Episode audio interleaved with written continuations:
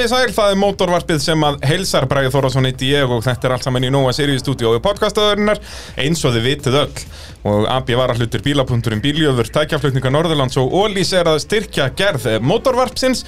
Og eh, í þessum þætti er það kemi rally í Reykjavík sem við ætlum að tala um og eh, hef ég fengið til mín bara áhöfnina sem endaði í öðru sæti í þessari keppni. Baldur Arnar Löðvarsson og Heimisnær Jónsson, sælir og blessaðir. Blessaður Sæl og blessaður. Nú er þetta náttúrulega gengur ekkert að þið séu farinir að keppa sko. þið voru bara, þið voru búin að gera hér samning við mig um að vera mínir, mínir svona gúruar í rallyinu, svona sérfræðingarnir mínir og síðan farið þið bara að keppa. Nei, það var þess að sem við keftum Já, það er svo Til að vera með allar inside information sko. Já, náttúrulega í það er fyrsta þættinu sem við komum tíðin þá lofuðum við að myndum keppa þannig við stóðum við það. Það er þetta rétt, þannig að það hefur verið þið ekki keppt, það hefur þetta bara verið tíu bílar. Akkurat. Það er nákvæmlega svo leiðis Og hérna, já, 11 bílar skráður til leiks. Af hverju er, eru svona fáur að keppi rally á Íslandi? Það er góð spurning sko. Það er til hellingur á bílum sko. Það er til hellingur á tilbúnum bílum sko. Já. Það er ekki eins og þetta sé að bara allir eru að smíða á vesanastekva Það er bara setja í gang og fara að keira sko. Er þetta ekki bara COVID og eitthvað svona líka sko? Geti verið Veist, Ah. að, hérna, Það er ekki hlaupið að þið fá sponsi einhverjum fyrirtækjum sem eru bara ströggla að borga starfsfólki sko. Og þetta er líka svo mikið svoleiðis fyrirtæki sem er að fá spons hjá Þú veist, einhverju svona Já, félagi minni með svona fyrirtæki og þessi með þetta, þú veist, svona vinagreiðar, sko.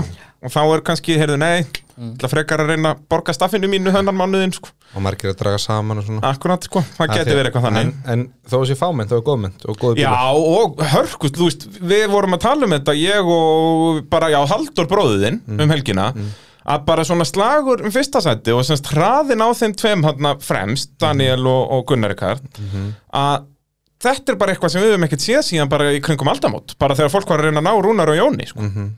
Þú veist, þá sáum við svona bara út í öllum kontum bara keira hver einasta beigju alveg 100% og gerði það ekki og þá varst ekki hraðastur. Já. Núna er þetta bara orðið þannig. Já, já, mjög mikil hraði sko Og nota bene að þá líka þið hann að þú veist 2000 og 2001 að þá voru líka yfirleitt bara svona 12, 13, 14 bílar í keppni sko. það vill oft gleymast sko. Sko ég held sko í grunninn er þetta nú yfirleitt bara í kringu 15-16 bílar Ef við tækjum meðaltalið eitthvað ára sko. Já, en, algjörlega. En svo koma einstaka keppnir sem eru kannski í 20 pluss Já. og, Og einstakki keppni sem koma síðan bara 10 pluss En vonandi sjáum við bara svo haustralinu eða næsta ári. Og svo náttúrulega vantar alveg jeppan inn í þetta líka. Þú veist, Já. eins og keppita fjöldin í ár er alveg svo sami og væri fyrra bara mínus jepparnir. Já, já Það er allavega eitt, jeppi sem heitir í haustrali Kitty er búin að lofa því að mæta. Já, Hann hefur nú aldrei gert það áður. Nei, nei. Þa, en sko, Það er ekkert mjög gott lofórð að þegar að Kitty segist að það mæta til leik sko. Nei, sko, ástæðan fyrir ég trúi sér að þegar Björgúlu sonur að stalaði um þetta. Nú, ok, já, þannig að það geti verið eitthvað Og ætlar hann þá að kóa sé- já. Já, ok, þá verður eitthvað komin, komin alveg harki í Þetta er trúverðugur að náður Já, algjörlega. Ég kitti, hvað er hann búin að tala lengi? Hann er svona frá 2016, já, ég mæti næstu keppni Já, hans var helviti góður. Hann er dásamlegur. Það er allan að gegja það að fá hann Það er ekki allis í honum og líf og fjör eitthvað? Jú, Hann nappi sér já, já Hann hlýti þá að virkja gumma og, og magga til að koma líka Já, að þetta fara að snúast við. Og þá að segja hvað Gummi Maggi gera?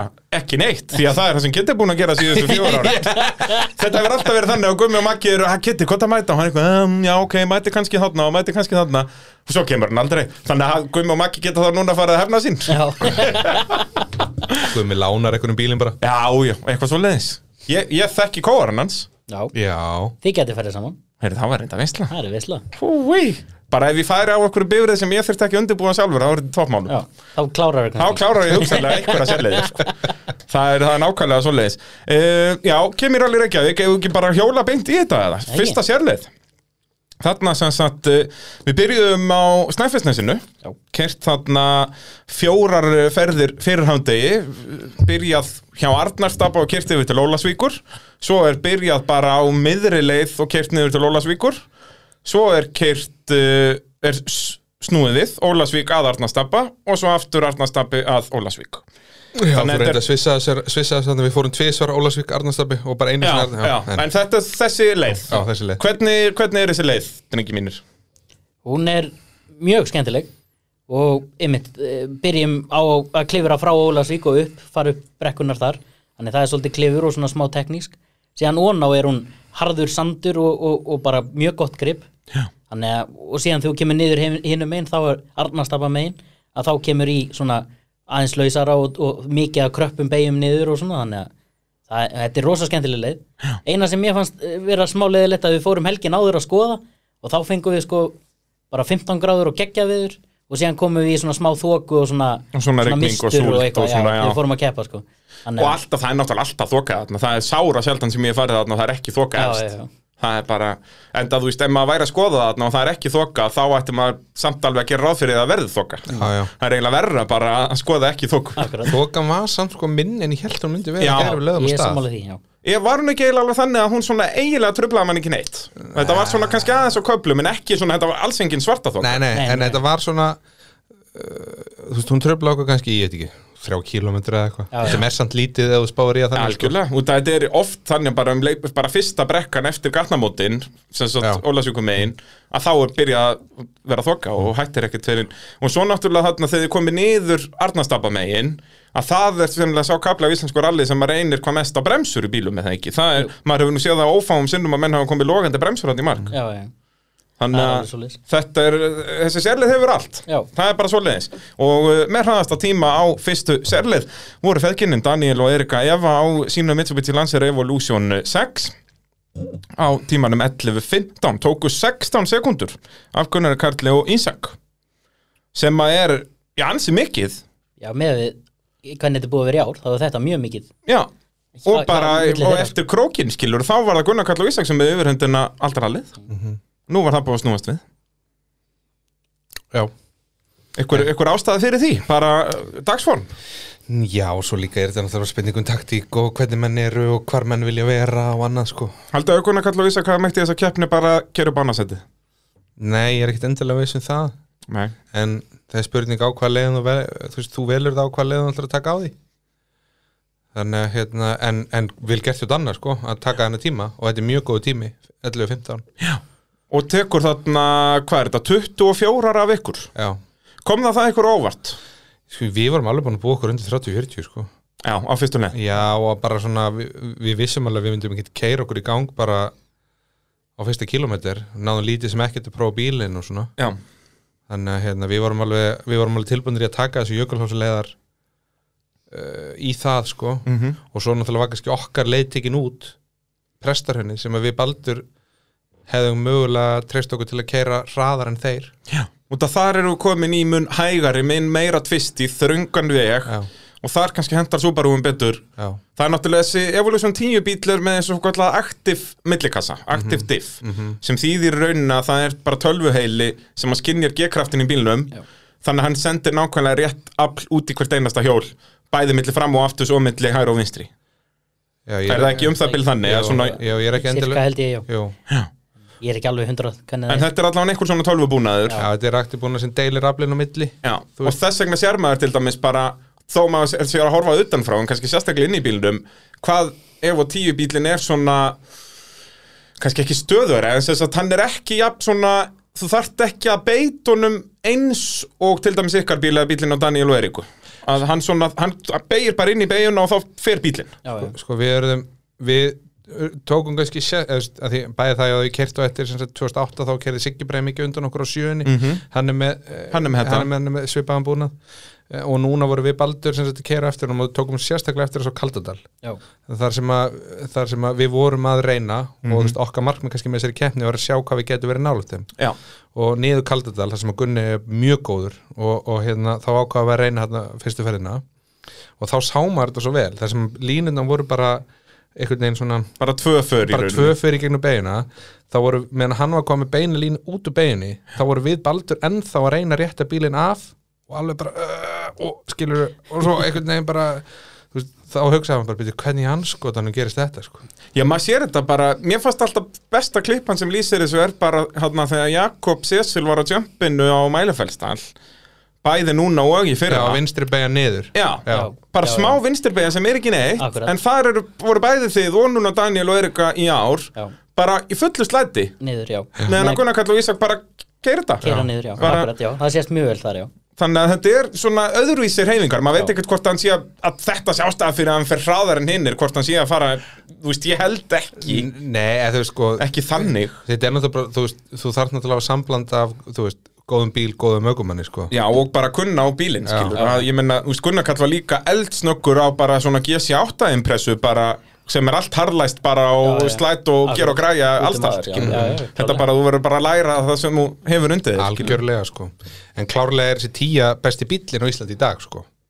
Já, er það ekki, Jú, þetta jú. nýjasti og svona að, hérna, en þó að setja með besta bílinn þá þarftu líka um góða, góða ökumenn sko. algjörlega, algjörlega það er bara, þetta er, er ég- bæði. Og þú veist, þessi bílar er allir þeir eru allir svipaðir, þetta er svipaður hestablatala og svipaður girgasar og, og allt þetta skilur Já, já. þannig að, hérna já, síðan, þú veist, ef við klárum þá bara svolítið þennan slag, því að já, næstu serli sem var stutt, akstutími þar bara fjórar og hálf mínúta, að þar tekur Daniel Eirika aftur sekundu af Gunnar Kallúísa, komið þá með 17 sekundar fórskott uh, en á uh, þriðju serlið þá veltaði Já. Það var nú svona, er, er stóra fréttin í þessu ralli Já, það er svolítið svoleiðis. Að Daniel og Erika þarna uh, þetta eru í, í þokunni þó ekki svona svarta þoka og Daniel bara mis le, le, heyrir nótu í rauninni. Já, bara misreikna sig. Það er rauninni hæð sem maður á að fara þarna hægra megin yfir sem að úst, nótan er hæð hægra megin og svo hæð vinstra megin, eitthvað já. svo leiðis Já. Og í rauninni- og hann mistúlkar þetta og heldur að hann sé ekki búinn að fara yfir hægra megin þegar hann er búinn að því. Já. og þegar hann fer yfir hæðina sem áfram vinstra megin þar fer hann hægra megin. Já, og bombar upp í, upp í bara svona barð. Og fer á svona- toppin bara.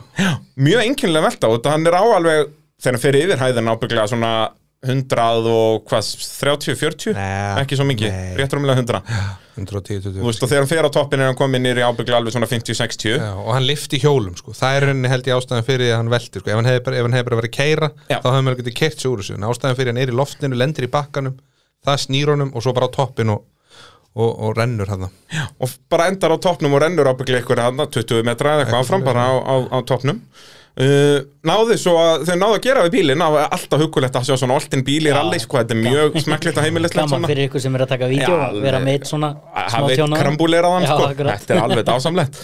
En uh, síðan sagt, tók hann eftir því á lögatasmotninum bara að það væri var þetta ekki semst, kamsjaft hjól, knastás hjól Já, sem að var það var allt brotið það núna og eftir hann einmitt rennur á toppnum þá nær hútið niður í þetta eða eitthvað svolítið sprítur hlífan braut hlífarnar og það og hérna, og hann bara tók ekki sensin á að ef að knastans og salvi var bógin eða eitthvað og, og, hérna, þannig hann hann bara var út búin að keira með náttúrulega eftir háti eða eftir háti eftir kvöldmátt Já. eða eftir, eftir síðdegis te. Já, eftir, hann, hérna, hann var búin að keira með þetta bessagerðinsferðirnar Mhm. og svo bjóst maður bara við að fá hann í fullu aksjónu og við vissum ekki það sem við eftir leðina sko, því að við náttúrulega fórum að stað hann og Já, hann náttúrulega að ræsti bíti- síðastur í Já. rauninni, já.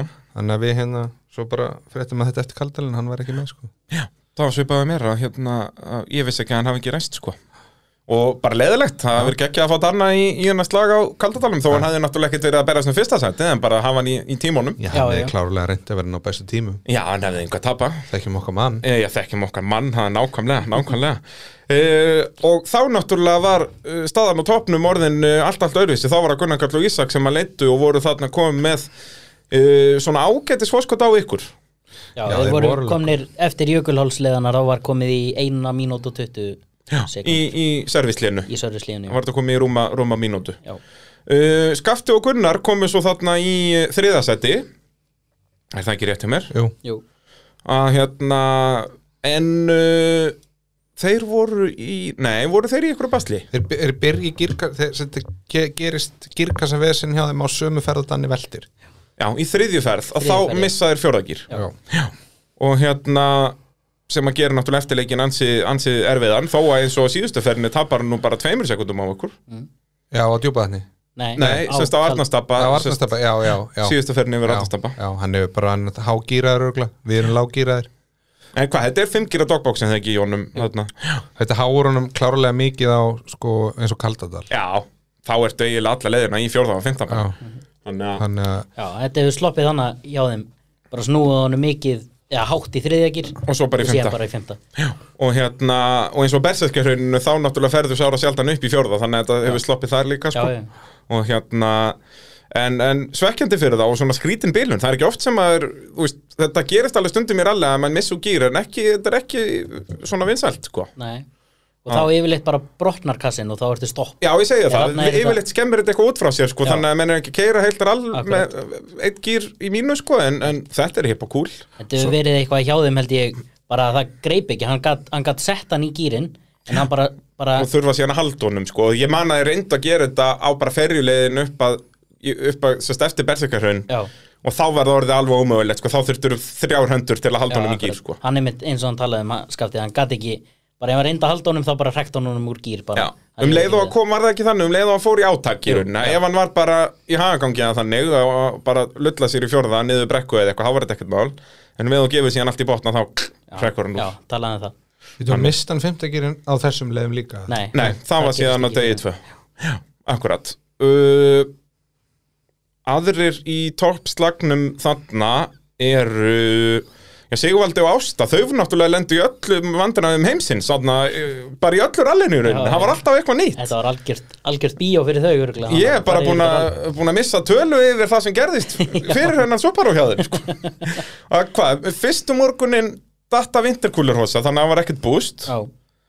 svo urðu bremsulaus fór bara höfudælan eða eitthvað í bremsunum eitthvað svona fáranlegt Já, já, ok. og svo, já, að berserkarhrauninu náttúrulega kerðan á grjóti eða sérst, ek, Já, bara á eitthvað. veginum held ég en, en Spindilkúla eða spilna eða eitthvað. hrekkur að nú sko, ekki einu sinni sprungið og ekki neitt, það bara, já, hrekkur úr spindilkúla eða eitthvað svo leiðis Akkurat. Þannig að, að líf og fjör, þau voru komið ansi mikið að refsingum hérna. og kemur síðan inn, inn, inn á álöðudeginum Já, akkurat. Og, og, og klára, náttúrulega. Það er, er náttúrulega með, með fullt, af, fullt af refsingum. Uh, mótorvarpið það sjálfsögðu bóði AB varahluta. Svo það sé nú allt uh, öllu haldið til haga.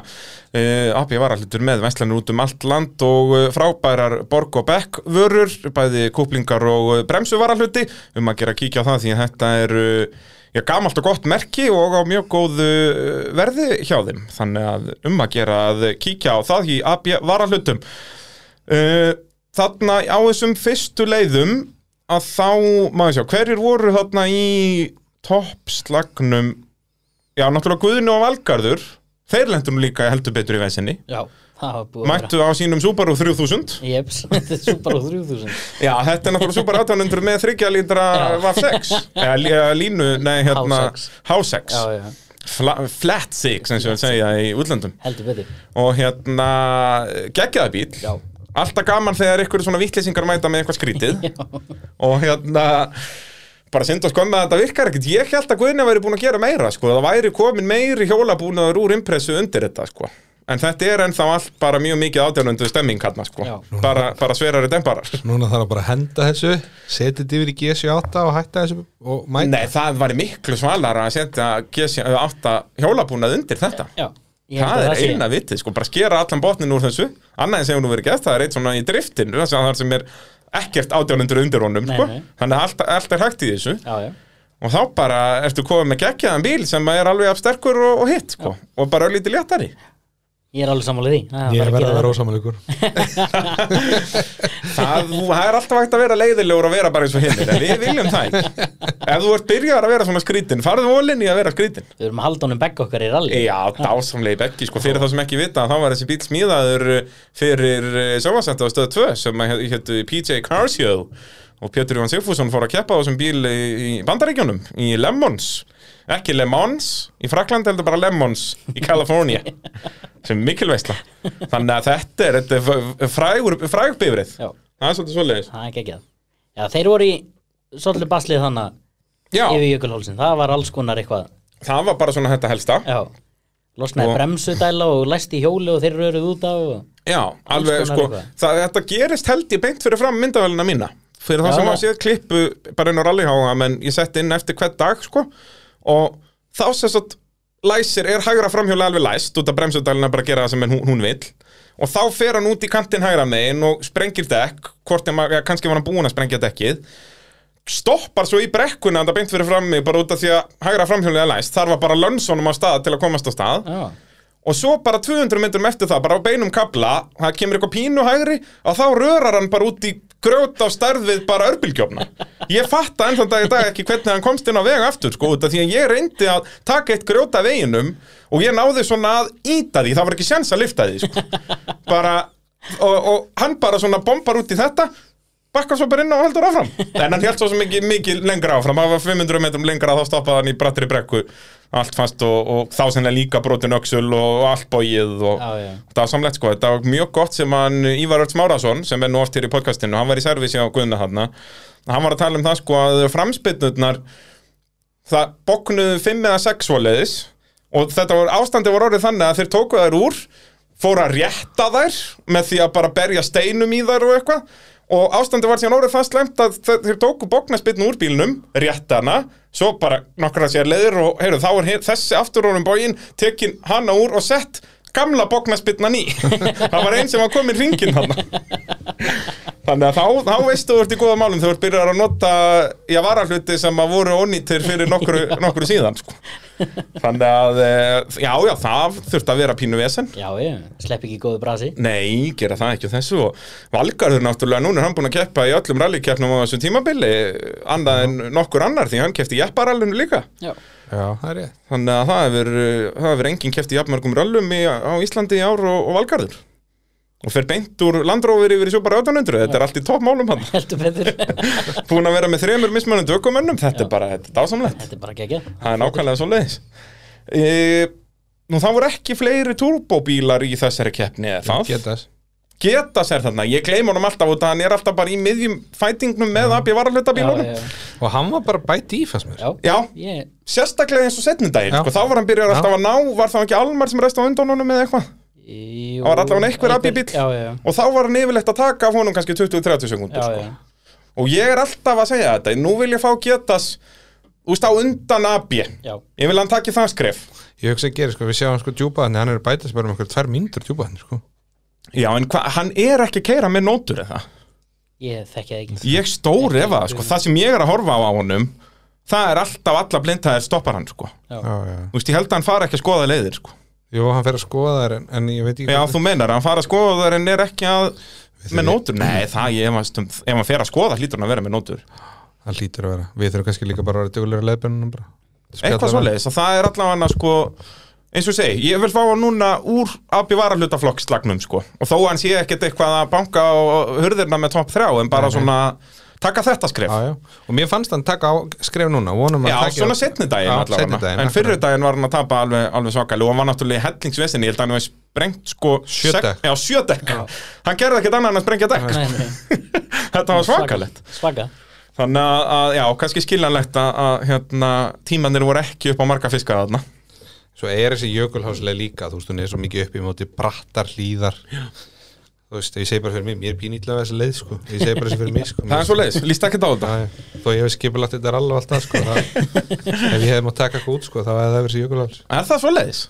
Já, Það er sérst jökulhálsin, þá ertu að tala um leiðina sem sérst Ólasvíkur megin Eða ertu að tala bara alla bara, leiðina?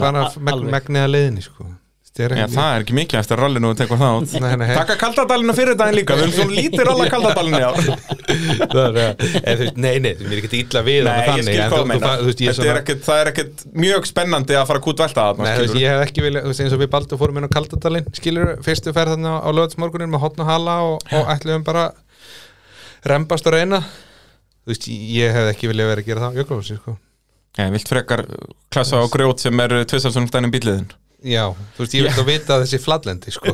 Já, en ég meina grjóti fyrir ekki verið ekkert mikið sko. Nei, nei, Nei, nei, En hérna þú veist, þegar vart með kannski 200 metrar langa brekkun hefur, sko. Já, það er bara í, í bara hugkulugum bara svona uh, grasi og hugkulega hittum Já, já. En jú, ég vissulega væri veltandi í einhverja daga þarna niður. Já, já, Ég elskaði hvað hérna það var eitt breti sem var í servis hjá Danna þegar Danni var að keppa úti sem kom síðan að keppa í Rally Reykjavík á gamla bílnum mínum hérna 2013 eða eitthvað. Og ég fór eitthvað að tala við hann og, og út að hann hafði alltaf verið að heyra þetta frá öllum Íslendingum sko, já þetta er svo geggja, við erum ekki með neinn trí og ekki neitt, svo kom hann bara Býtu, eru þið fáiðar? Já, ok, þið eru ekki með tré en þið eru með steina en það sem er stærri en húsinni.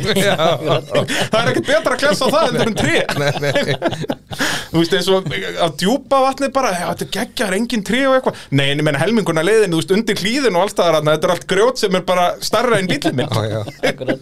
Og haggast ekki, þú kerir það. Nei, nei, bara og, glemdu því og sko. sko, ég hugsa mikið þessu beigjum sko, ég hugsa allir bílarnir. Sko, og Arnastapa megin já, bæði arðarsafabeinum líka hinum megin sem eru rosa hraðar. En ég hugsa að flestir sé að taka þær hægar en þeir gera. Já, bara út af því að þú veist þú Þú ert með og veist, þannig að hérna Eru þið með tvö mismunandi orð? Ég man að ég var með það að ég var með tvö mismunandi orð yfir varúð í nótum. Ég var með varúð og ker. Og þá Já, var já. sérst varúð, ég man ekki hvort var hvað en annað þýtti sérst að bara ef þú ferð út af þá deyrðu og hitt var eitthvað varúð að verða á veginum skilur, Já, já. það eru tveir mismunandi hlutir þannig að ef þú ert alveg bara vaknaðir með skikkjuna þín og ert hugrakkur og allt þetta þá getur þú farið hratt í varúð.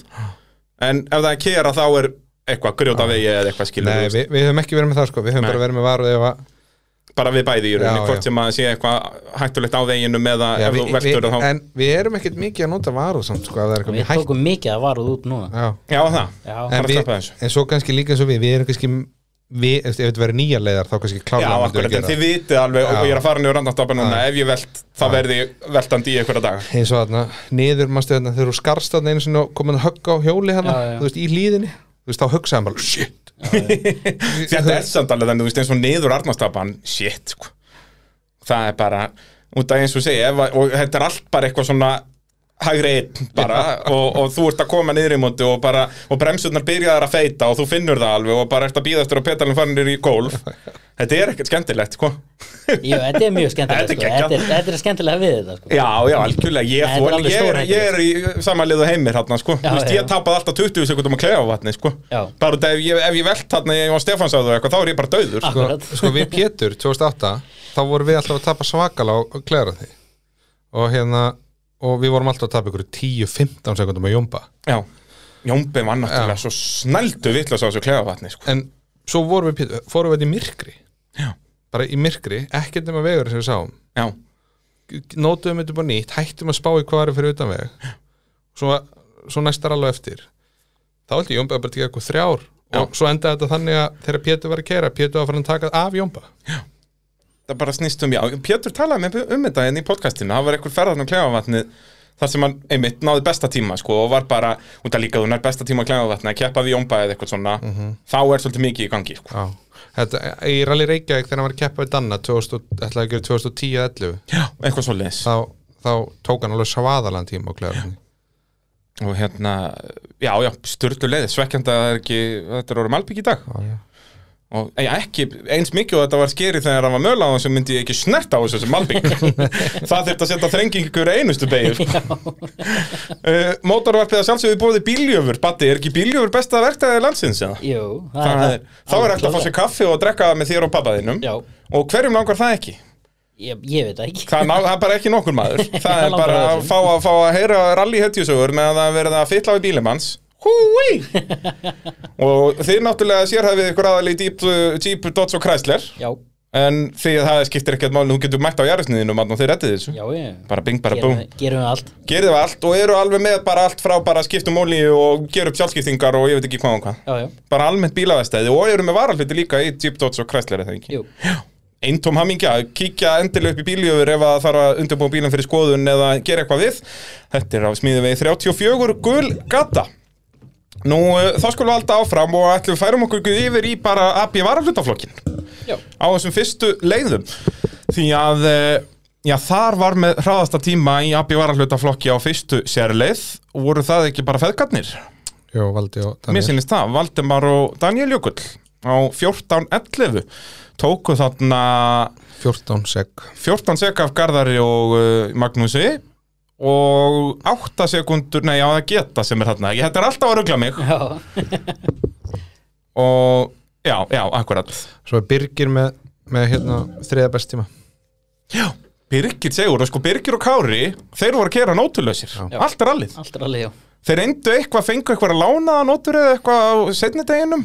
Og það gekk ekki neitt, þannig að hann bara las ekki neitt. Nei, Ég, ég spurði hann aðeins í ykkur viðtali hvernig óskopunum getur bara setið í farþaðasættin ekki verið að lesa nótur sko. Ég myndi skýta á mig Hafið þið prófað þetta? nei, Verið farþaðasættin ekki að lesa nótur? Eða þú veist, manni líður oft ítla bara líka við leðaskoðun sko Já, nákvæmlega Og þú veist, ef þú ert í rallybíl og ert bara að horfa á, þú veist, þú bara ekki fara á næstir, ekki stað Þú- maður er bara skítandi á sig. Já, já Þetta er ekki hægt, sko, en um leiðum að hefur eitthvað að gera þá er þetta fínt En, en já, ég er spenntur að sjá hann í höstralinu, sko. Hann verðist alveg að hafa þetta og hann síndi það alveg á Kaldadalum í sumar hann er alveg með þetta skilur hann þarf bara núna að þjálfa sig aðeins og safna kilómetrum og, og æfa sig á nóturnar og, og já, fyrst og fremst að fara að gera nótur. Það er, það er uh, Já, ég held að það sé góður líkill, þú veist að því að læra þetta líka og, og komast inn að fara og búa til nýja nótur af Algjörlega. ekki vera alltaf að fá var hann að fá sérst, eins og á Kaldadal, var hann þá með eitthvað lánað, vitið þið það? Ég held að hann hérna Valgarð hafi látið hann ha- Já, fá eitthvað? Ég held já. það, en ég er samt ekki alveg viss. Hann þurfti að fara helst bara með einhverjum reyndum í aftursætinu í rauninni. Já, en þá er það það var flott líka. En þá er, já það þurfti að fá okkur í það því að það er drefleðilegt að það degi í aftursætinu og horfa aðra að gera Já, það er alveg nógu leðilegt að gera þetta bara sjálfur. Akkurat. Og svo Almar lendir í ykkur veseni þetta Já, hann náttúrulega lendi á vesinni bara strax enda frá fyrstu leið að, að það sem sagt ströymur á þrottulbótið var að fara af og á. Þannig að hann var að missa inngjöfina alltaf. Já, mjög spes. Já. Almar er duglegur í þessu að við lenda í mjög einkennilegum bilunum. Já. á bara svona non-turbóbíl sem á ekki að vera neitt vesan á. Akkurat. Að þá er alls konar eitthvað svona að bila hjá hann eða alls konar, þetta er nú ekki þetta er í fyrsta skiptum um þetta bílar allavega. Já, já, en hérna, út að já, eins og segja mjög skrítin bílun að- og vitið hvað þetta var, þeir náðu að koma í svo laga allavega um, um kvöldið nei, ég veit ekki hvað það var hvort það var bara allavega výrin sjálfur eða eitthvað skinjari eða eitthvað, ég veit það ekki. Verið eitthvað sem er fundu allavega því að hann, hann Já. var góður síðan á, á lögatum algjörlega og bara svo leiðilegt að missa hann út strax úr allinu sko, út af því að Almar er hörku ökumæður Já, já. hefði verið geggja að hafa hann hérna í, slagum á tóknum Akkurat. Og hérna, en við fengum það ekki. Það er bara svo leiðis uh, Garðar og Magnús, þeir svo fara út af á þriðju leiði það ekki? Jú, jú, Jú, er það ekki? Er það fjóruða? nei, Hvernig, já, er núna er þetta svo einkennilegt með að það er ekki þeir hafa fengið sem sagt max tíma fyrir þá leið eða hvað? Ég þekki ekki. Þeir eru ekki með, hvergi, sko ég er að fara yfir tímana hérna, hvergi eru þeir með eitthvað 20 mínútna tíma, sko, þeir eru bara með en býtu, eru þeir ekki með, nei, þeir eru heldur ekki með refsingar, býtu, hvað er ruglir í gangi hérna? Jú, hérna, jú, akkurat, þeir eru 12 fættur á annari selið, þeir allir eru á 5 mínútum og þá eru þeir á 12 mínútum, Já, já, já, já, já það er svo stuttleið, já, ég er ruglegast að þessu. Akkurat. Þetta var annari selið, já, af því að þeir fá náttúrulega ekki refsingu af því að þeir klára leiðina bara. Já, þeir, ég inn, segi þeir það. eru undir makstíma þögg sem mér. Já, og, og Badda náttúrulega. Já. það, ég var náttúrulega, Baddi var svo dásamlegur að lána mér leðaskónabílinn ykkar. Og hérna og, og varst líka svo dásamlegur að hafa flunkun í hann spotta í skottinu á að hann. nýbúin að kaupa hann og hann, ég, ég fekk svo sannlega að taka hann úr pakningunum hann Heldur betur. meðan að ég horfði á þessa vittlisinga að vera að taka ykkur grjótundunum bílnum. Þegar það var mjög svo augljóst að hann var bara á- fastur á kvinnum en maður er alveg komin reyn alltaf sko.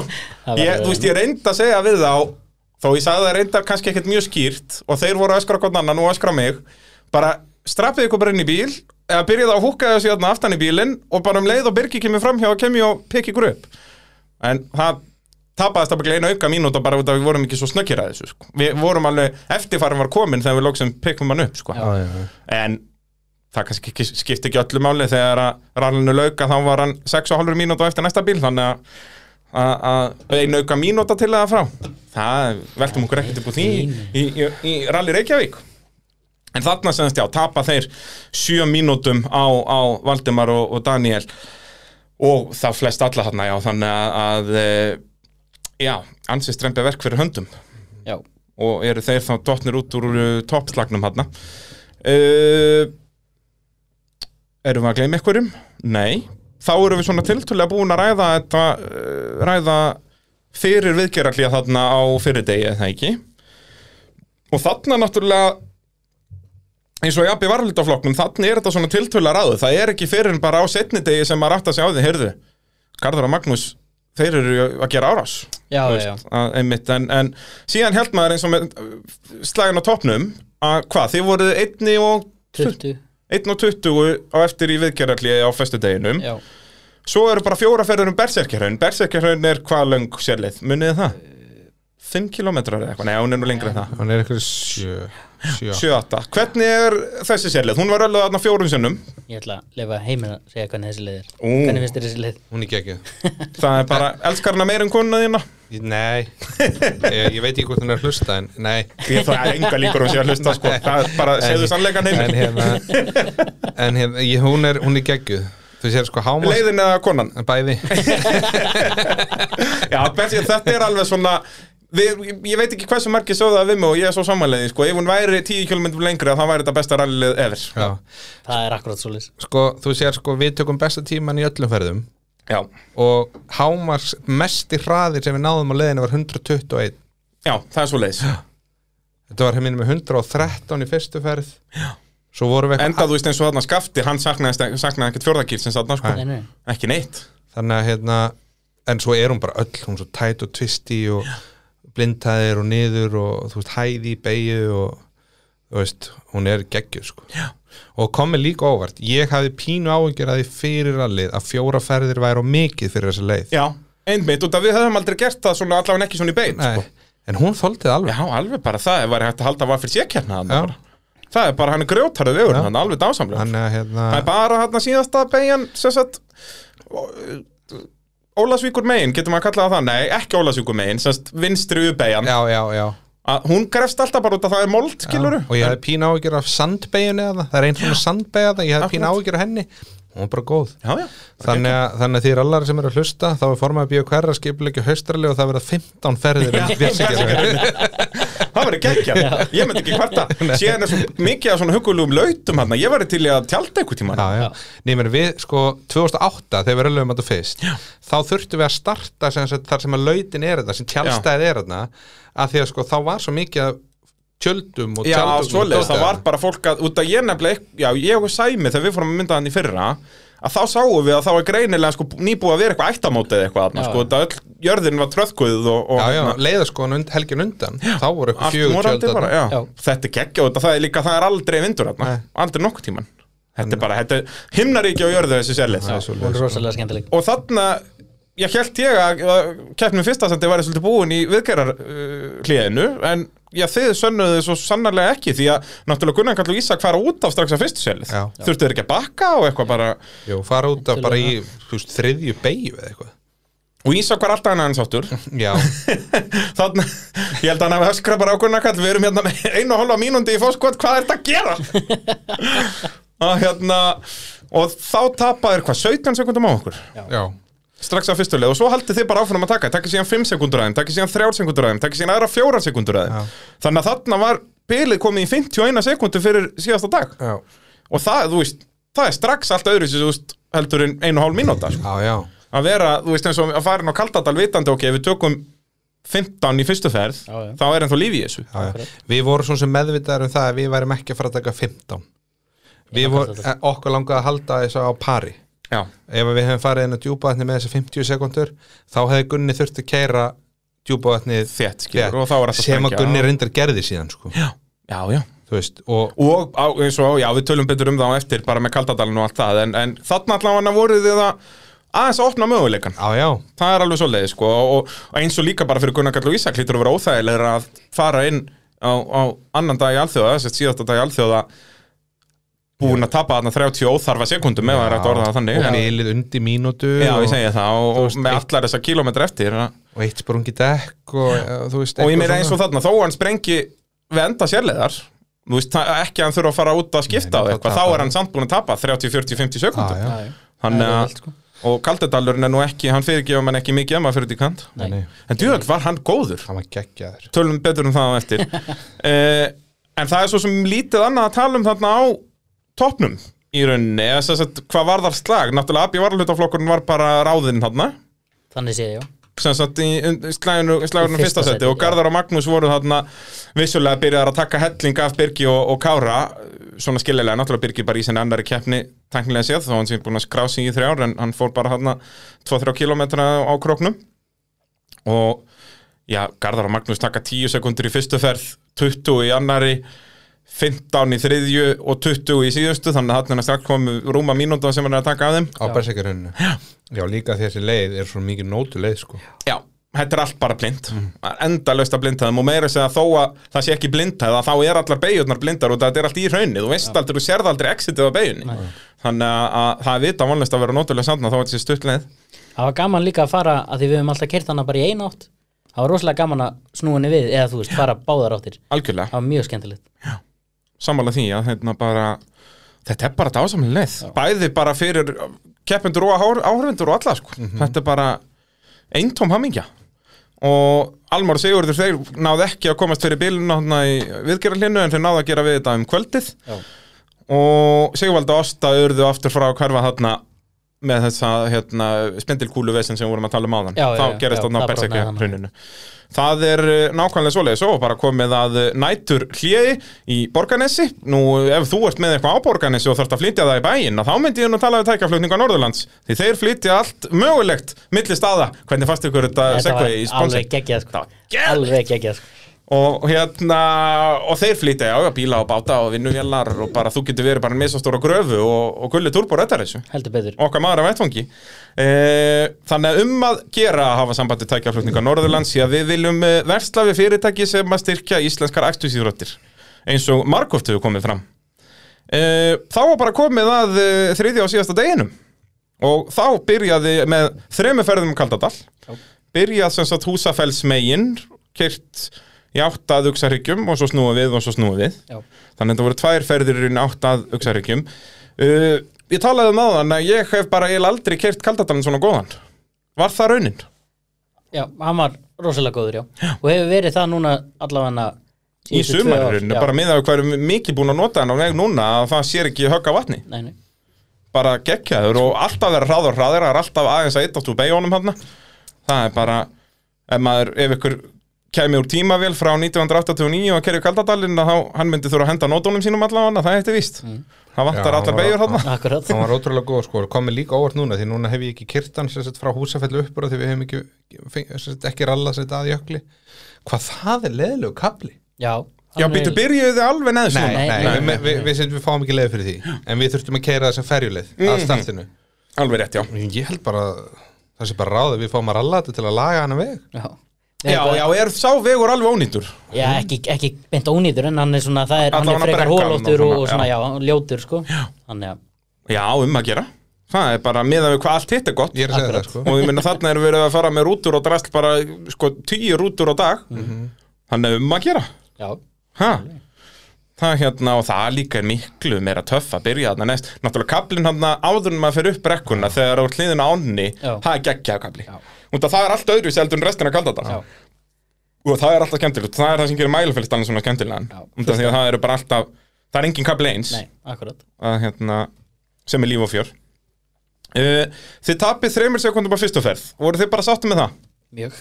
já, mjög Það ekki, þið töluðum að við viljum vera á pari Fyrsta leið, þú veist Þið vissu að Gunnar Kall og Ísak myndu þurfa að svara Skiluru, að ná að hangi í þeim það er bara fínt já, já. og þú veist, þetta kom þeim óvart Já, það, já, já, og sko uh, sem sagt við erum hvað 14.59 þeir eru 14.56 ég held að það sé jafn góðu tíma þeir voru best í Rally 2 já, nákvæmlega. Og 14.59 er sko 14 sekundur betra held ég en Danni náði þá í þýrali Já. Þannig að þú veist Þannig að við, þið höfðu verið upp þær þar já, já, við Ef að vorum, leiðin var ekkert eitthvað mikið betur núna En var hún ekki bara svipuð? hún var svipuð að en hún var mjög góð sko. hún var, Mjög hún var hann að kaplinn hann var svolítið lausari kaplinn það sem við byrjum held ég í Sest 2 aðeins Langjökulsmegin, lausari- eða? Langjökuls, kannski aðeins lausari í Rally 2 Já, já.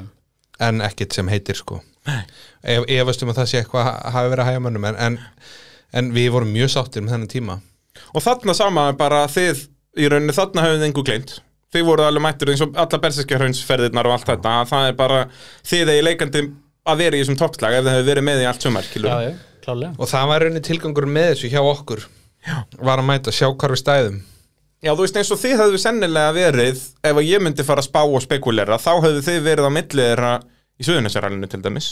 Það er aðalega djúpaðatnið, þar hefðu þið yfirleitt verið góðir. Já. og þar var Gunnar Kall og Ísak ekki góðir enduður ekki að tapa rúmri mínútu á eða voru þeir ekki tveimur mínútum á eftir danna í því ralli það var eitthvað mjög mikið núna. í fyrsta rallinu Jú, núna. jú, alveg, það var mjög, það var, jú, það var svolítið fyrir það. ég hefði spáð því að þá hefðu þið verið í öðru á eftir danna. Þú veist, danni var svakalega hraður sko. Já, já, en svo snýst þetta líka um sko, svo náttúrulega klárlega eftir þar al, þú veist, fara menni að gera hraðar og það og þessi við baldur eins og, ég meni við baldur höfum áður kýrt kaldadal niður til sem sagt uh, í slag, þá vorum við slag við Raka Gröndal 2018, Akkurat. Þá vorum við 15.26 nú erum við 14.59 þannig að við erum að bæta okkar tíma um 26 sekundur Já, en þarna er náttúrulega þrjú ára á milli. Já, já, Þannig að og, og leiðin búin að hún er ekki eins og svo strax aðna bara, og e- meira segja bara í fyrra var hún verri en hún er núna, þá voru hún öll svona þvottabrettis leiðindi eitthvað ég var nú bara að horfa á innkar á 2018 ferðinni og þú veist, það var ekkit sem ég sá Nei, Ég ekki þannig. bara svona, eh, kannski aðeins svona grófari almennt, en ekkert, nei, nei svo sem ekki. En það er það sem gerist náttúrulega eins og við höfum verið að ræða að þegar að þú veist, Danni kemur sem er hraður þá dregur hann aðra með sér þangað, Akkurat, skilur og það, og líka bara þegar að þú veist, þetta snýst náttúrulega líka um peninga að, þú veist, Gunnarkalli mættur þarna með flotta sponsa á eitthvað, hann verður að vinna Mhm. en líka það með Gunnarkall, þú veist, út af því að hann er með augun erlendis Mhm. þá veit hann að ef hann vinnur ekki Daniel Sigursson á Íslandi þá hann ekkert, þá getur hann ekkert verið að fara út eða þú veist, þið skiljið hvað ég meina, Já, já, ég já. meina það er fyrsta skrefið hann á að vinna Danna hérna. Danni stóð sér vel þegar hann kefti erlendis. Og þá veit Gunnarkall ok, ef hann vinnur hann á jafnréttingrundvelli að þá ég fullt erindi út, skilur og þannig að, hérna, ég held að það sé líka að þannig er komið svona alvöru metnaður í það að vinna. Þú veist, þegar þú ert að keira þú veist, vitandi það, ok, ef ég rústa bílnum eða skemmi eitthvað mikið þá kemst ég ekki til næstu keppni og allt svona þú veist að og þá sérðu bara, ok, Danni tekur að mér 25 sekundur á fyrstu leið, ég, ég gefst bara upp. Núna er þetta orðið bara öðruvísi, Já, skilur já, það er allt, allt öðruvísi. Núna er mitt að þeir, þeir keira eins og hann sagði eftir rallið við þig þannig að þú veist, það er bara maximum ma- attack á öllum leiðum. Mhm. og bara í hver einustu beigju og maður sér þetta bara, Já, þú veist að þetta er bara eins og í vaffir sérunni, þeir koma bara eru í öllum köntum allstaðar en els ekki, ekki millimetr lengra, Nei, nei, akkurat. A- a- og þetta er það sem gerir hennar slag eins og segi, maður hefur ekkert séð svona íslensku ralli fyrir en bara Hjörtur Ísak voru að elda Rúnar Jón já. þegar það var bara, það dugði ekkert nema fullkomnun. Akkurat. Og, og svo sem þú nei, nei, þetta er kannski ósangjönd að mér að segja við alla þá sem hafa kætt hann í millitíðinni skilur en svona manni finnst það, Já, þó já. að var náttúrulega styrlaðu slagarna 2008 og allt það, Það skilur allir verið miklu jafnari veist, það, það hefur ekki verið svona stökk eins og hjá þeim tveim núna Já, ég, það er það ári. sem að mér finnst nefnilega svo magna þetta þegar að verið að berjast núna í rúmt ár, Mm. eða rúmt tvö ári eiginlega og hérna síðan bara taka þér svona svakalegt skref áfram báðir í rauninni Já. Sem er bara dásamlegt. Það er nákvæmlega svo leiðis og það gerist líka, ég meina Skaft er að bæti hann er að gera mjög flott og mjög flott Já, algjörlega. Uh, er náttúrulega bara ekki með sömu reynslu og Baldur og Gunni og, og, og Danni er og náttúrulega náttúrulega komin á nýjan bíl þetta sísón og allt þetta sko. þannig að veist, hann á bara þurfa hraðari. Uh, Sigvaldi á, á mjög flotta spretti inn á milli. Já. það er Og- nefnilega geggja nefnilega, ég er svo sammálaðin með Sigvalda hvað það var þar að það vantar núna bara svona consistency í því rauninni Já, og hann sýnir að- alveg grind svona hér og þar sko. ég held að val- vanti bara stöðuleikan á bílinn. Já, já, að svo er náttúrulega það líka veist, sko. hann er alltaf í einhverju bölvi vandræði með bílinn. Það þarf bara skveran um bíl í vetur. Þannig ef hann er skveraðar þá veist þá geta menn ekkert að gera mistök. Nei, algjörlega, sko. Þá er hann komin bara þarna, er alltaf kannski mínútu á eftir eftir allt Þú rallið, veist, þá kannski ef að fremstu menn sprengir dekka þá eru kannski dotninir í fjórða og fymta í staðan fyrir bara dettan í annað. Já, nákvæmlega Og ná ekki að vinna það upp aftur í Akkurat. Það er ekki nægilega margi kilómetrar uh, Önnurferðum Kaldadala þá uh, eru þið raskjeltir Hvernig er að vera svona raskjeltir? Það var gott Eða ekki? Jú, nei. Ó, Gott, gott, gott Nei, nei, það var hérna svona uh, allavega ég, ég fann það svona strax þú veist, að maður sér svo vel inn á kaldadalinu hvernig gengur, að því við fengum líka gott veður og maður sá mikið Já. þannig að einmitt þegar við vorum komnir að stóru vörðinni og sáum niðritir, þá sá ég að var komin frekar langt frá okkur Já, þannig að þið sáu að þið voru að tapa á hann. Já, já, ég var allavega að byrja að finna fyrir því.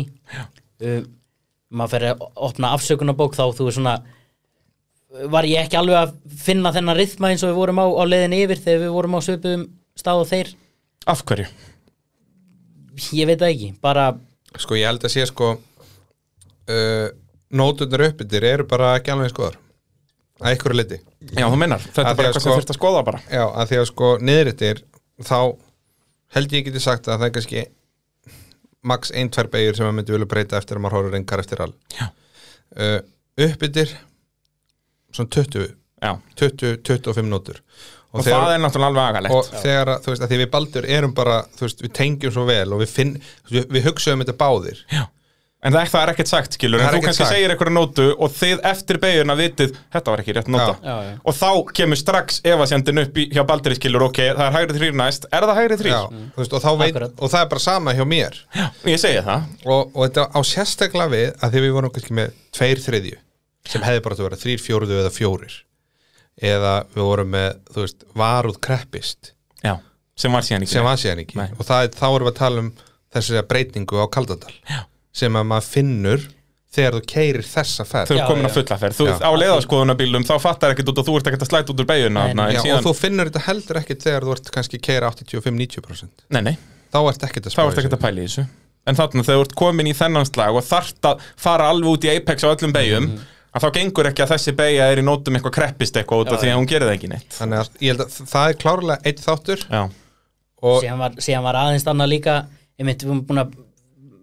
nota bremsuna mikið áður en við byrjum að fara niður og nota þær mikið þegar við förum niður og þær voru byrjað að slá tilbaka sem sagt eh, upp í, upp í fót þú veist, Já. petallin þannig að ma, ég, var- ég var líka tröstið kannski á bílnum ekki nægilega gott og svona en þú veist, samt klálega ég vilja vera nærðum alveg, alveg 100% sko. og svo náttúrulega líka það náttúrulega bara störtlaða rakstur af þeim Já. þeir eru náttúrulega bara, bara rosalega flott þeim þú sko. út sér, þeir eru að bæta tíma sinn já, frá besta tíma í, í, í Í já er þetta ekki bara Í Íslandsmet í- á þessari sérleði alveg rauninni, klára, þegar það er- 100% að- eftir að við byrjuðum að ralla hana svona og náttúrulega kaldi þetta alveg breytist svo mikið en sérst eftir að við byrjuðum að ralla frá langjökuls við, ég hefði alveg sætt mig við kannski 10-15 já, já, svona miða við þessi vandamál sem þið voru að tala um já, Já, já. en, en þetta var allt og mikið sko. Já, Já, hvað er þetta um rúmar það. 40? Þetta er 41 sekúnda? Já. Við tölum um þetta leðið við komum út sko, þetta er eiginlega bara mikið já, til að tala um þetta já, við, næsta farði ég konar Uh, motorvarpið að sjálfsögðu í bóði bílapuntsins, uh, grófinni sjö Reykjanesbæ, uh, þar er hann Valdemir Jón Sveinsson okkar maður á vettvangi með bílamánun réttingar, framrúðuskipt og allar almenna bílaviðgerðir. What a mighty good man. Sækja og senda bíla um höfuborgarsvæðið og söðunessin sem að lenda hafa í tryggingatjóni og vinna fyrir öll tryggingafjölein, bara bing, bara boom Þannig að, já það er eitthvað vesen sko undir húttinu, skellum maður sér í bíljöfur. Eða vesen fyrir ofan húttið, bílapunkturinn. Heldur betur. Pá, og valdi náttúrulega svo duglegur að styrkja Íslands motorsport.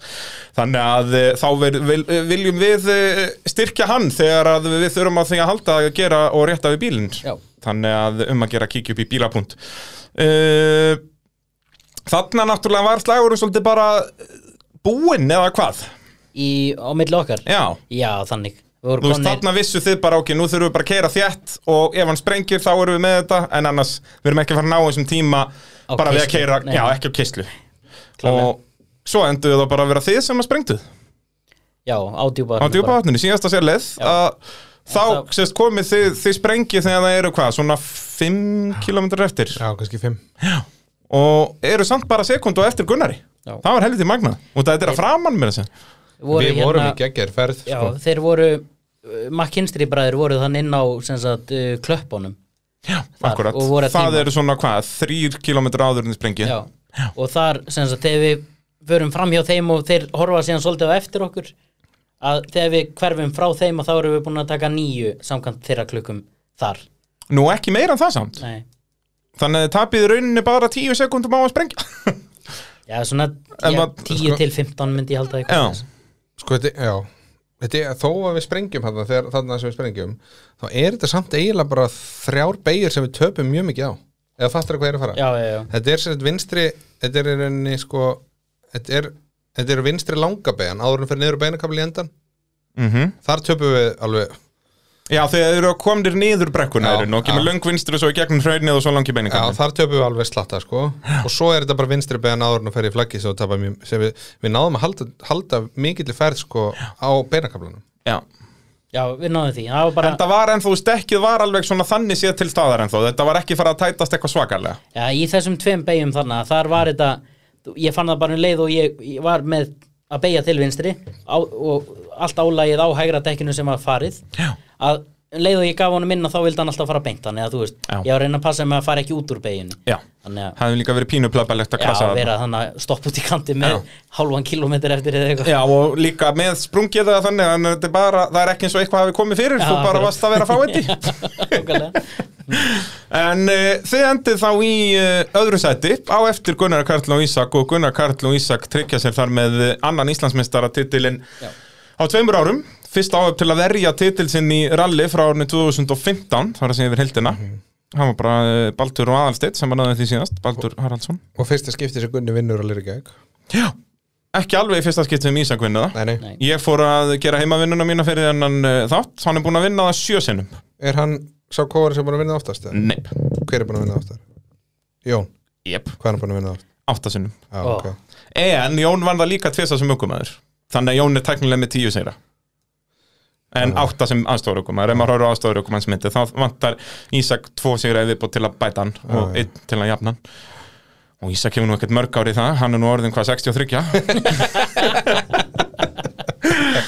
Nei, nei, það er, þú veist, Ísak er svipa gammal núna og Jón var þegar Jón byrjaði að keppa, sko. Svona liggum við. Já, já, Það hérna, þannig að Ísak á alveg rock solid svona, svona 30-40 ár eftir og svo svona Rosalega. 10-15 ár eftir það sem verða kannski ekki jafngóð sko, en hann er leikandi 30-40 á topnum hann var náttúrulega fermast í gerð bara. En hérna, já, bara magnar árungur og, og þeir orðnir Íslandsmeistar eins og við segi Já. Það var hérna tölum um kaldadalina þess aftur og um okkur það er svo gaman að tala Já, um okkur þið eru náttúrulega frábærir. Já, en það var á seinustu ferðin um kaldadalin það sem er eiginlega bara í byrjun á leiðinni. Það sem, hvað ætlir þessi búið mikið að leiðinni? Bara, þú veist, þrý kílómetrar eða eitthvað. Þar kemur- lítið, sko. Kemur uh, vinstri og síðan hægri sem þú klippir yfir svona smá klöpp. Já. og í þeirri beigju að þá förum við yfir það og þegar bílinn lendir eftir það að þá byrjar hann strax að leita alltaf til hægri. Já, ég segi ekki orð og Heimir segir ekki orð en við finnum þetta báðir að þarna er þetta sama. Þú veist við viljum svo mikið halda dampi og reyna að keira sko. síðan förum við gegnum einhverja tvær þeirra beigir og þá kemur bara, er hann ekki skrítin eða? Jú, hann er eitthvað bilað.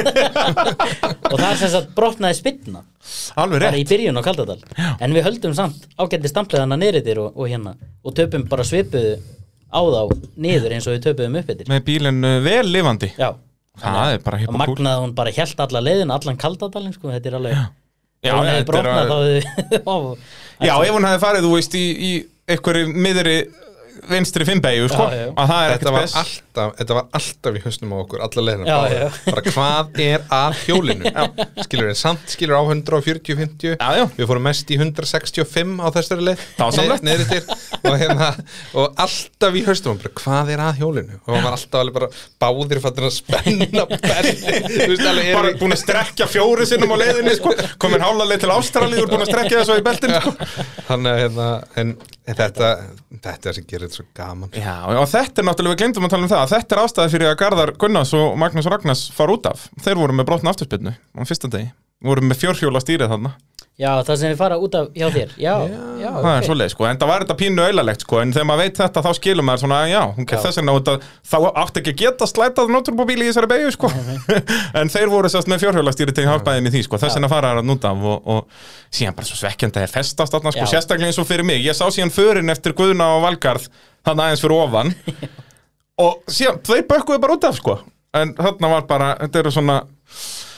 grjót þarna rétt fyrir utan og festist eitt akkurundin á miðum bílnum og hvað garðar nær byrgi bara eftir sett ekki Já, er hann ekki komin með hann eiginlega fyrir djúpaðat? Og þá, eða kannski var hann komin með fyrir síðustu ferðina en, en Nei, hann nær honum hann, hann nær honum, sett eftir kaldadal þriðiferð þá er Garðar komin fjóru sekundum undan byrgi já, nákvæmlega, já, hann er fyrir djúpa hann var hann komin á komin á undan. En í þriðja sætti í rallinu voru Skafti og Gunnar Eithós já, og náttúrulega þeir heldur bara áfram síðan að tapa gýrum strax á fyrstu ferðum Kaldadal fór 50 gýr líka. Já. og, og þá var þetta náttúrulega bara búið. Þú veist, þeir alltaf komið fram hjá mér í þriðja bara að dóla, þú veist, vildi ekki hafa hann í útslætti alla leiðina, skilur, þá myndur bara bræða vélinni líka, akkurat. Þannig að þeir bara lulluðu þetta, vissu að það var langt í, í sæti fyrir neðan. Og hvað, já, já, valdi er 11 mínútum á eftir þeim eftir rallið, sko. Já, já. þannig að, en þeir lenda síðan líka pluss það að vera ekki með fjóruð og fymta inn á djúparninu að þá sprengja þeir líka. akkurat, Og- hvað vinstra aftan. Já, og vissu það það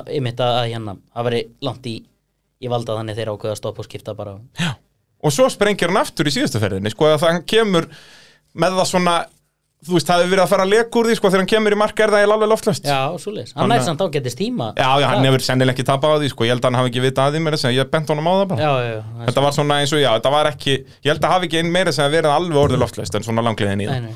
En og þeir voru að það. rosa flott í rallinu sko. Það hefði verið gaman þið verið með alla að gera Það hefði verið alveg hörku keppni. Ég held það nefnilega sko. Verið þið með í haustralli eða? Ég veit ekki að var ykkur það veist var að leika sér að það settir all er því alveg Það þú, rústaði bílnið þínum þar. Ekki, já, ég var svona, aðeins. Og hvað var þeir að tala um, One- nei, 4 to 1 racing. Já, en það, það gerði ekki neitt sko. nú, já, já, en Það er- þú sérst varst að fýblast á rallycrossbrautinu og ferður fjórðakir niður í fyrsta. Já, eins og maður gerir. Já, já, já það voru stelpur þarna og eitthvað maður þurfti að vera hipp og cool. Heldur betur. Og hérna, en, en hvað, það tjónaðist ekkert við það eða? ég, Nei, ég held ekki. Ég held að, að hérna Við vorum í dri, brutum drifin í fyrra Ég er alveg ekki og við vorum að raða því saman og græja að gera. Og ég veit ekki hvernig það gerist en það losnar upp á stilliskinnum á drifinu og skrúast út og við það dettur drifið aðeins í sundur og brotnar. Dásamlegt. og það gerist þegar við erum að leika okkur þannig á brautinni. Þannig að þetta er ekkert stórmál Þannig að þið mætið í haustral, takk fyrir bless. nýtt, nýtt framdrif og, og hérna. Allir sáttir? að nýta að framdrif? Já, þetta er bara það er bara það sem gerir skilur það er bara vetur sem að voru á haust og kaupa framdrif þetta, er- þetta er ekki flókið mál. Uh, Í AB varahluta að þar voru það feðgarnir Valdemir Rón Svensson og Daniel Jökull Valdemarsson sem að stóðu uppi sem sigurvegarar.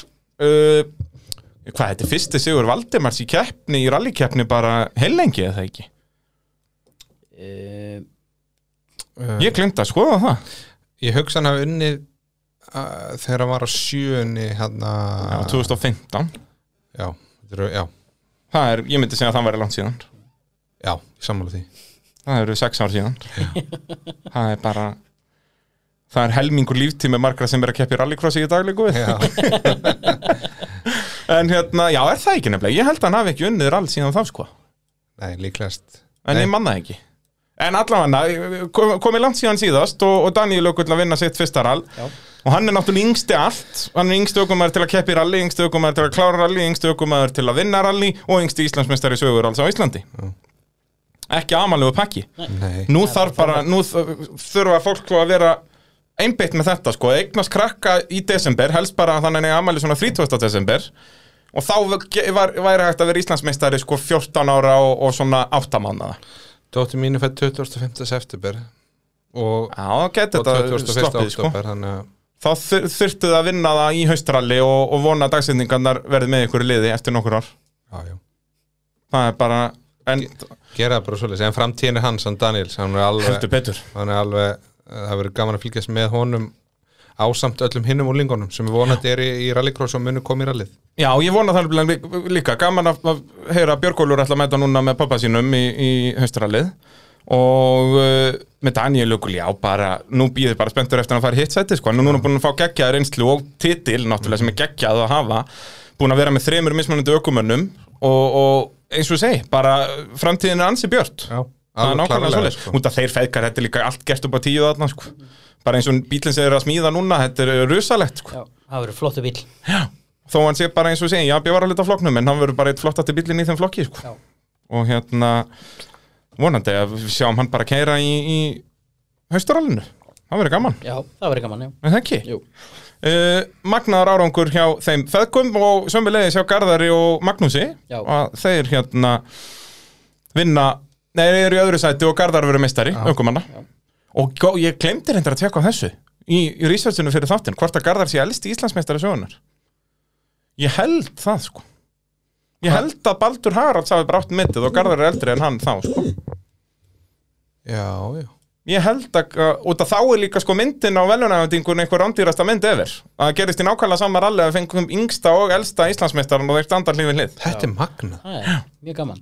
Það er sturla sko. Já, En þetta er óstaðfest, en ég er nokkuð vissum að þetta sé raun. Ég þarf að fara heim og rýna í sögubækunar. já, En- þetta, hei, já, þetta er magnað maður. Í sömu keppni, eftir hvað, hvað 46 ári ralli, en það ekki, er ekki, hvað, 75, hvað eru mörg ár síðan 75 var?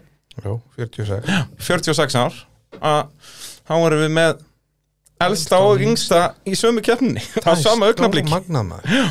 Það er styrlað, sko. já, Og hérna, Garðar bara geggja bara, því líkur ferill hjá honum. Að hann byrjaði í öllu skipulægi og halda allar keppnir og vera formaði lýja og allt þetta. Svo byrjar hann að keppa og er bara, ég, ég praður og flestir byggust við, er bara svona að keira með og hafa gaman.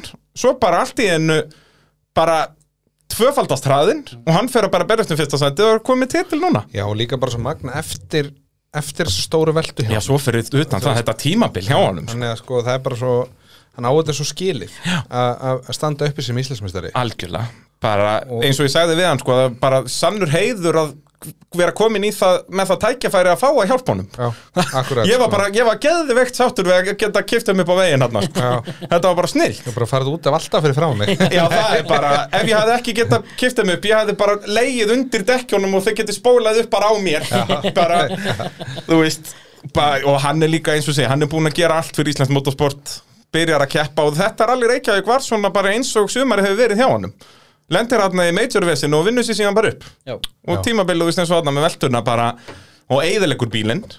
Fyrir utan að þá náttúrulega segir að ég er fastmönnum að bílinn sem ónýtur það fari beinustulega að gera við hann. Akkurat. Og mæti sér með hann og krókin vinnur krókin með bílinn bara alveg eins og nýjan er þetta að sleikja allar parta bílum og það er allur nýr. Þetta er bara geggjað sko Þetta er rosalega flott í þeim sko. Störla dæmi. Og, og eru þeir, er Garðar að vila tillunum komin og Daniel Jökull sömu leiðis og Gunnar Karl og Ísak sömu leiðis en það þýðir náttúrulega allir titlar eru komnir í hús Já, fyrir síðasta rall. Já, þetta er bara spurning hvar menn enda. Raða sér síðan þetta eftir. Já, og bara hver vinnur hösturallið í Ég rauninni. þegar maður mætir meina alltaf er all til að vinna. Ég meni það hlýtur að vera núna gaman fyrir alla að mæta Því að núna þá er enginn að vera að spá í einhverjum uh, titlum eða þú veist núna geta menn bara mætt og Já, við sáum það bara eins og í, í geta. torfærunni að þá var allt ráðið fyrir síðustu keppn og þá voru samt flestir keppundur þar. Já. þannig að það er bara vonandi verið eins í rallinu. Já, það væri vonandi. Það er nákvæmlega svo leið Svo komu þarna Birgir og Kári náðu þriða seti, virkilega vel gert hjá þeim. Fyrsti byggar í hús og náttúrulega fyrsta skipta klára rally og þá var það rally Reykjavík Já. sem bara geggja. Almar og Sigurður vurðu svo að setja sig við fjórða seti en það voru búin að tapa allt og allt á miklum tíma þarna á fyrsta degi En áttu flottan lögadag Já, þeir, voru nefnilega mjög hræðir á, á lögadeginu og síndu bara hvað þetta hefði geta verið skemmtilegu slagur. Mhm.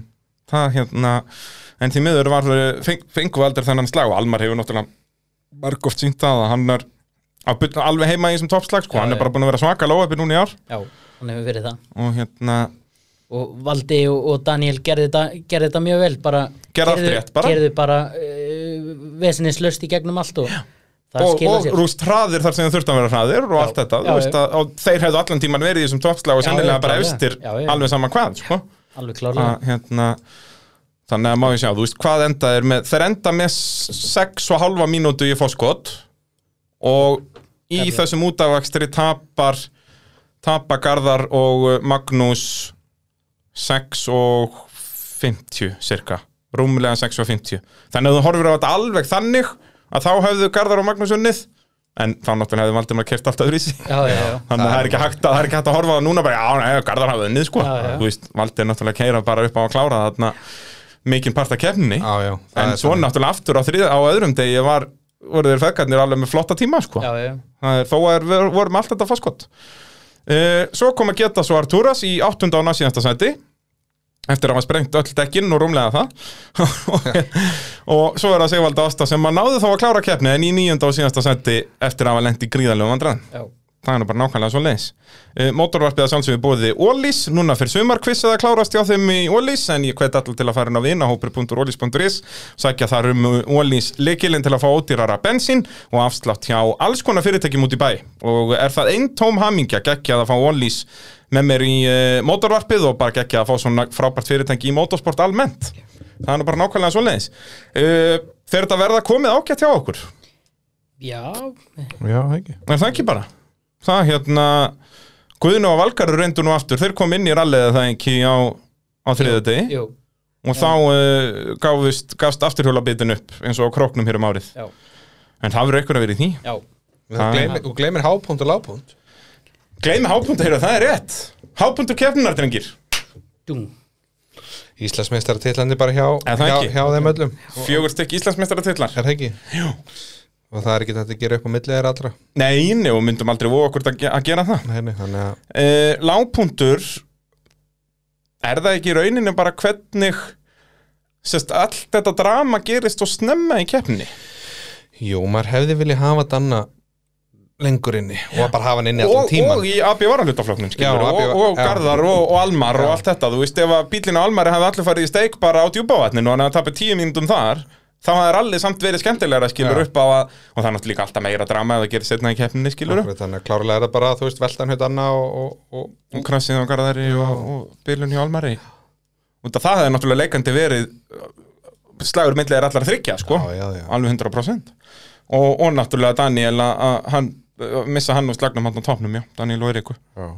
en það við vorum drullusvættir, við kerðum fram hjá þeim og það var alveg djöfull Líka eins og þarna, bara á þriðju sérleið sko. Já. Það er annað ef þið höfum alltaf bara á kaldadalnum sko. að það hefðu allan, hefðu, hefðu allan fengið allan fyrsta daginn í slag sko. Þannig að það er svona aðalega það Þú veist, auðvitað gerast alltaf afföll í keppnum bara leðilegt hvað það var einhvern veginn hjá öllum sem er lendi í vesinu að það var að snemma Já. Þannig að, já, ég sammála þar að það er hérna svona lágpuntur óvægt að segja það Þá eru vortin fínir ekki? Erum við að gleyma einhverju eða? Ég held ekki sko Er komið eitthvað, vitum við eitthvað hvar síðasta rallið verður eða? Nei, við veitum ekkert sko Nei. Þetta er snýst um leifamál og annað sko Já.